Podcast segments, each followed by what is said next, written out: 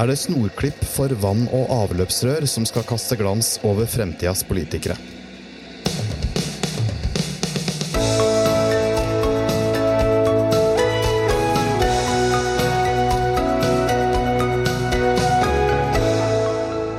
Hans og hans sin lillebror har lagt store deler av Østlandet under vann. Med et klima i endring vil det skje oftere enn før.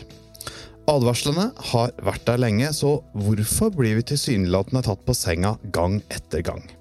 I dag så har vi med oss sjef i Rådgivende ingeniørers forening, Liv Kari Hansten, her i studio. Og så skal vi ta en telefon til sjefsforsker i Sintef, Berit Time, som er ekspert i klimatilpasning.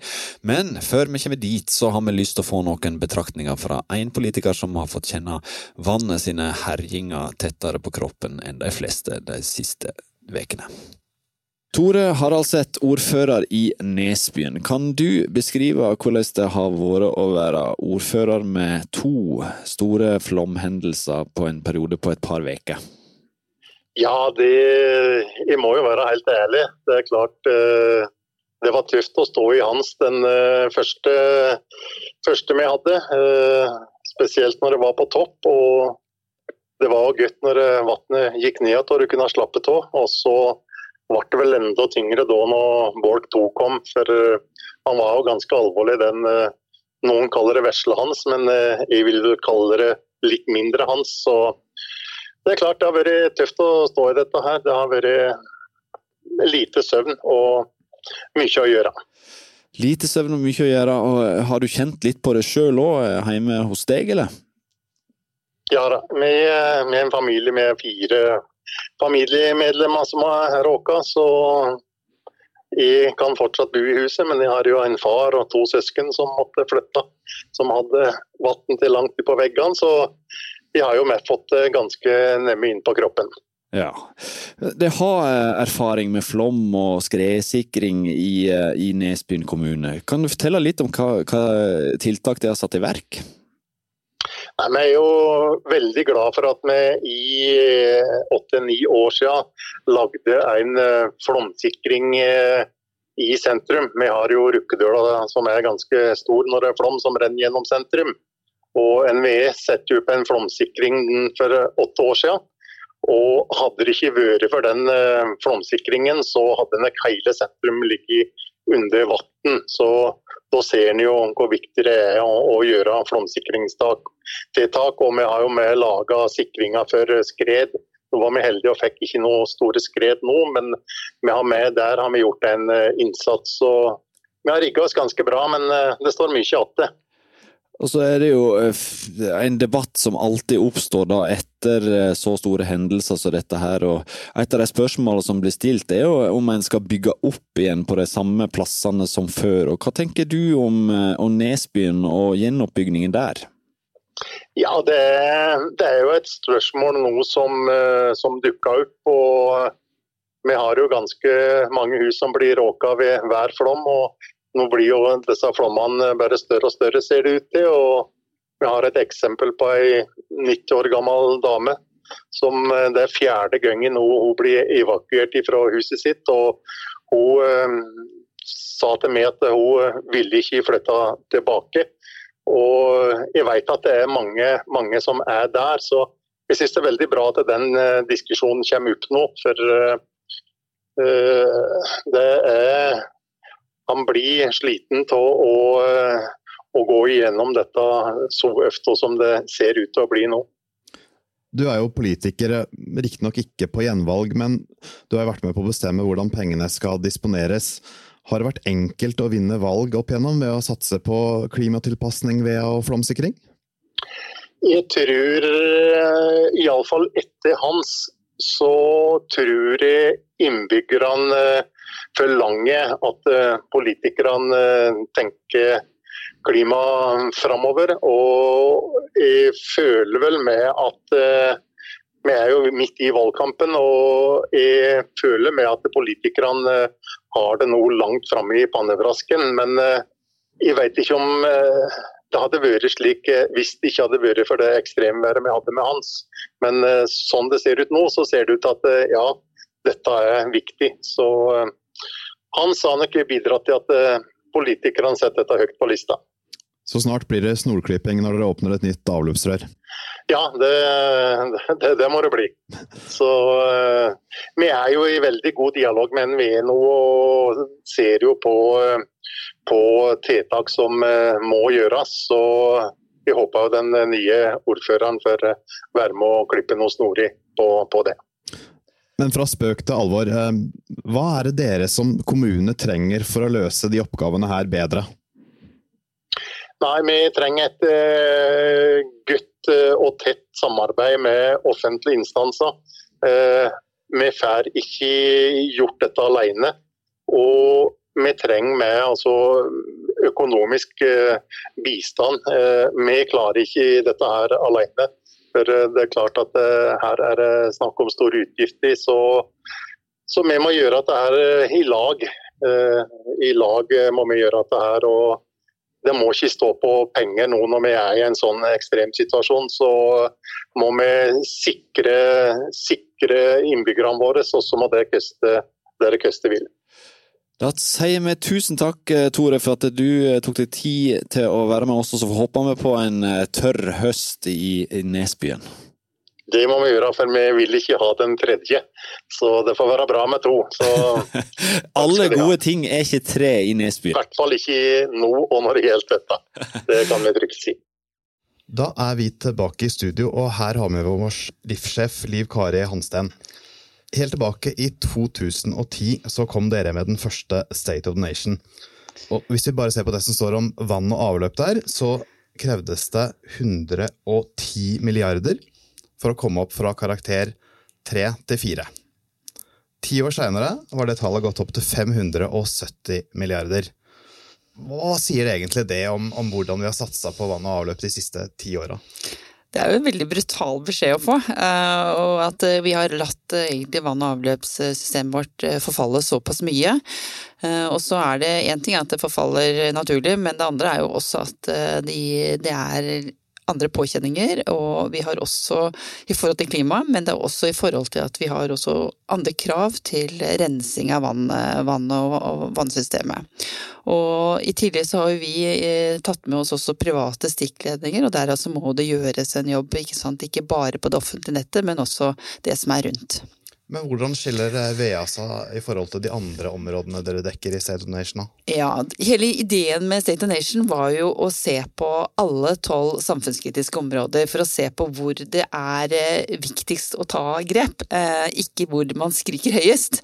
Og, og VEA var en av de områdene som var ganske dårlige, men vi har faktisk områder som er enda dårligere, og det er fylkesveiene. De har nå karakteren to, mm. og der trenger man å gjøre veldig mye. Og det har vi også sett nå under hans, at eh, vi har sett hvor, da, hvor hardt den har rammet også gode deler av fylkesveien som rett og slett ble skylt bort. Så eh, det er flere områder. og Én ting er liksom de store ekstremværene, men, men, det er også en, en gradvis altså klimaendringene hver dag eh, som gjør også at også på bygningsmassen så må det gjøres store grep. Her ser vi typisk at veldig mange bygg eh, har mye fuktskader, som også skyldes eh, klima.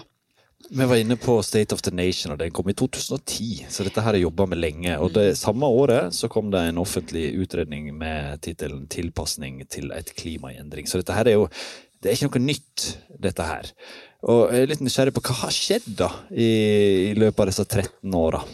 Det har skjedd rett og slett litt for lite. Eh, og til og med i den eh, stortingsmeldingen så ble det jo også referert til State of Nation-rapporten. Og, allerede den gangen så var det jo liksom, det var litt sånn sjokkmelding, fordi vi hadde til da, syns jeg, ofte snakket veldig mye om å bygge nytt, og lite om hvordan vi tok vare på og forebygge på en måte skader på det vi allerede har.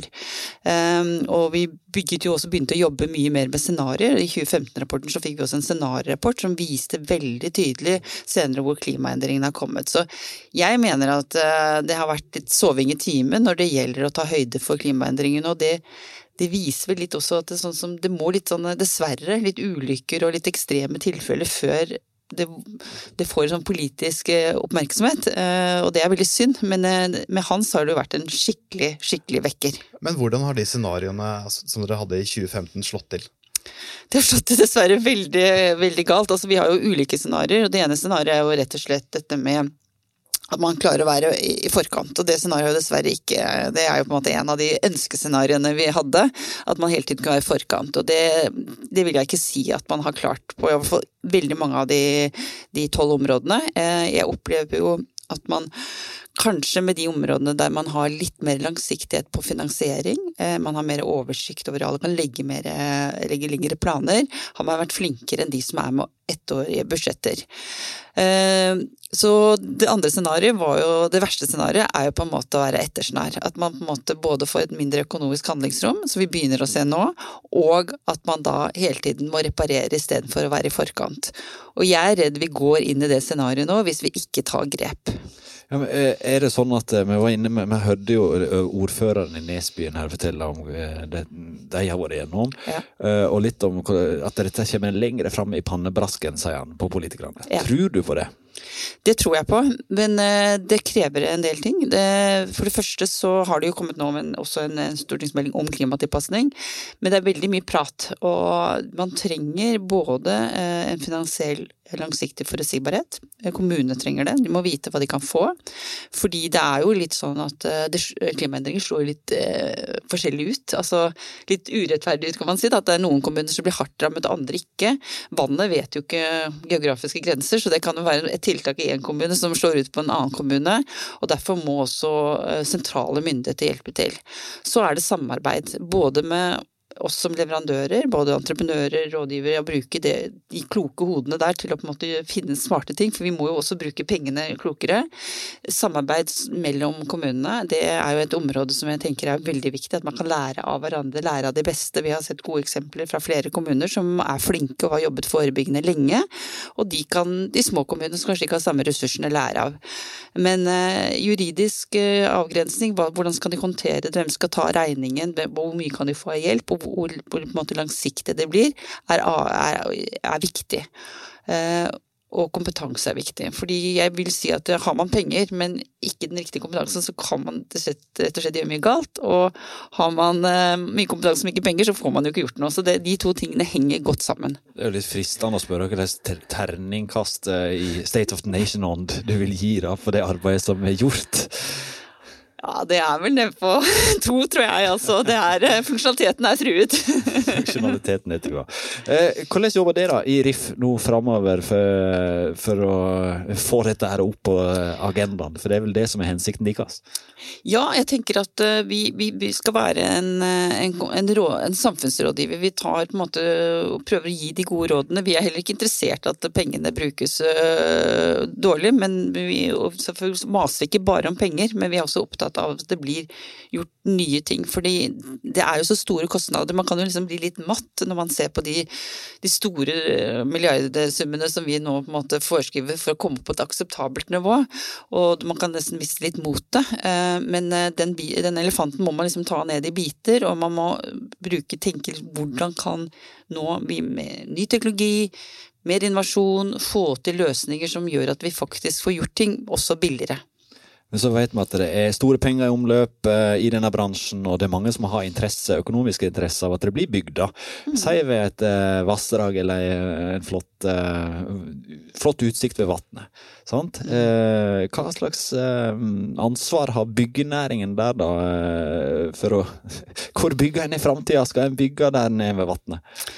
Tror mange utbyggere er veldig fornuftige. Eh, men det, det, som vi må begynne med, er faktisk arealplanen. Eh, det ligger ute en god del gamle arealplaner som på en måte sier at de områdene som nå kanskje er ganske ugreie eh, og har med større risiko, for det er jo det som vi ser nå med Hans, det, det kommer jo på områder vi før tenkte var trygge, så man må gjøre en ny risikovurdering rett og slett på områdene, fordi det skaper også forutsigbarhet for de som skal bygge ut. Og jeg tror byggenæringen er mer enn villig til å brette opp armene, det ligger mye kompetanse i byggenæringen, og, og det å forene kreftene og tenke sammen. Jeg, jeg tror ingen, verken utbygger eller entreprenør, har lyst til å satse på områder som er eh, risikoutsatte. Det, og jeg tror heller ikke finansverden og forsikringsverden vil tillate det. Så det, det, er mange som nå tenker at nå må vi gjøre en felles innsats. For det var vi inne på med ordføreren i Nesbyen. Ja. Bør vi bygge opp der hvor eh, det har vært flom? Både én, to, tre ganger? Utgangspunktet så er det liksom en no-brainer nei, men det er klart at man må gå inn i område for område. Det er ikke liksom at alle, alle nå må flytte ut av eget hus fordi de har hatt vann i kjelleren, men eh, man må se på hvilke tiltak som er på en måte både lønnsomme, og så vet jo det er jo brutalt for en del mennesker også å flytte. sånn at eh, jeg tror ikke det er sånn ja- og nei-svar, det er rett og slett å gå inn og gjøre analyser, se på risikoen for at det kan komme tilbake. Er det forebyggende tiltak man kan få gjort på området som faktisk reduserer eh, muligheten for at det blir skader igjen, eller er dette et område som vil koste så mye å forebygge at det ikke vil være smart og bra for de som bor der òg. For det er jo en påkjenning å få ting ødelagt. Du har vært inne på samarbeid. Eh, sitter bl.a. i styringsgruppa i noe som heter Sammen 2030, som er et felles eh, samarbeid med, i byggenæringen. Ja. Eh, men hva, er det noe motstridende interesse her? Hva er, hva er frontene her? Jeg opplever vel ikke at det er så motsettende interesser. Jeg tenker jeg heller mer har flere tanker i hodet samtidig. Altså, nå, det som har vært kjempefint, er jo dette klimapartnerskapet som nå skal settes i gang med regjeringen. Og, og, og det er jo på en måte en av de fruktene vi har hatt av Sammen 2030. Det, det går jo på forebygging. Eh, at vi får ned foto, klimafottrykket, så vi får mindre klimaendringer. Men så må vi også jobbe med å få mer klimarobuste løsninger. Og jeg tenker bare at uh, her er det samarbeid og, og, og tenke sammen. Jeg tenker ikke at det skal være det, men det er klart at det er smertefullt. Det kommer til å koste mye. Eh, og det, det i seg selv er, opplever jeg ikke at eh, regjeringen har tatt inn over seg. Eh, og de må hjelpe kommunene på en helt annen måte til at de får nok eh, midler til å ta tak i det. Fordi å forebygge er jo mye billigere. Jeg har hørt én til seks. Altså, altså, å forebygge koster én krone og å reparere koster seks. Men jeg har også hørt andre kostnader knyttet til hva, det koster å måtte reparere etterpå. Så man må liksom måtte frontlode pengene. Få de inn og begynne forebyggingen. Og så vil vi da spare penger på sikt. Og det, det er blitt brutalt, men jeg tenker at det er veldig, veldig lurt. Så er det geografiske forskjeller her. Vi skal høre Berit Time eh, om litt, eh, ja. som er sjefforsker på dette området her i Sintef. Eh, hva kan f.eks. østlendingene, da, som har vært ramma nå, lære av eh, vestlendinger som meg? ja, og er, du har helt rett at eh, de kommunene som måtte ha vært utsatt for Det ser vi også på fylkesveier osv. At de, de, kommunene som, og fylkene som har på en måte hatt, eh, vært utsatt for ras og flom osv., har vært veldig veldig flinke på det. Og, og, jeg tror dessverre Eller noe av det vi nå ser, er jo at det er stor spredning også blant kommuner. Spesielt på kommuner på kompetansen der. Og det å få til liksom mer sånn beste praksis, deling av kompetanse, og også kanskje at myndighetene tilrettelegge mer for det. Én eh, ting er at de organiserer seg selv, men de kanskje også tilrettelegger hvordan kan vi få fram beste praksis. Og der kan også vi, eh, ikke bare det private, eh, offentlige, men også det private, være med og dele gode løsninger og lage workshop på hvordan vi kan bidra. Og det å få inn leverandørene tidlig, der de kan komme med forslag på hva som skal gjøres, er en, viktig bit i det. Hvor mye koster alt dette her, hvis du skal sikre Kan du egentlig sikre deg mot uh, dette her? Du kan sikre deg Altså, egentlig Ingeniører kan jo gjøre alt. det er ikke Bare du får betalt for det. Bare det. Bare, men det koster, og så er det ikke alt som er lurt å gjøre. Eh, så det, det er jo noe av det vi faktisk må ha en gjennomgang. På State Nation er jo dette vi snakket om å få det opp på akseptabelt nivå, og da snakker vi om over 3000 milliarder. Eh, og så er det jo, skjønner jo vi at det kan ikke tas i ett jafs, men eh, det å gjøre gode analyser i forkant, hvor er det vi kan få mest mulig nytte for minst mulig penger, og, og gjøre den gode analysen, for det er det vi har sett også at det er litt manglende oppdaterte analyser. Det er på en måte ikke gjort en god kartlegging på hvor vi kan, hva vi, hva vi må ta først.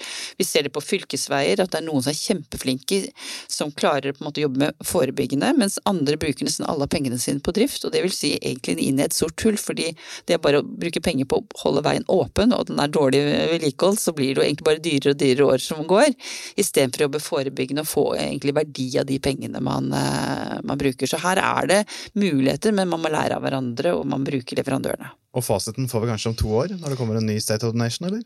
Ja, det håper vi. Det, det, det, er jo Jeg gruer meg litt i de store tallenes lov, men, men jeg tror det er veldig viktig å på en måte faktisk tørre å sette tall på det, tørre å snakke om det. Og det skaper også en, en realitetsorientering. Det, det verste vi kan gjøre er jo å putte hodet i sanden og bare håpe på det beste.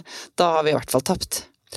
Jeg tror vi snakker mer om det med et bedre time. Vi slår på tråden til Trondheim og sjefsforsker i Sintef.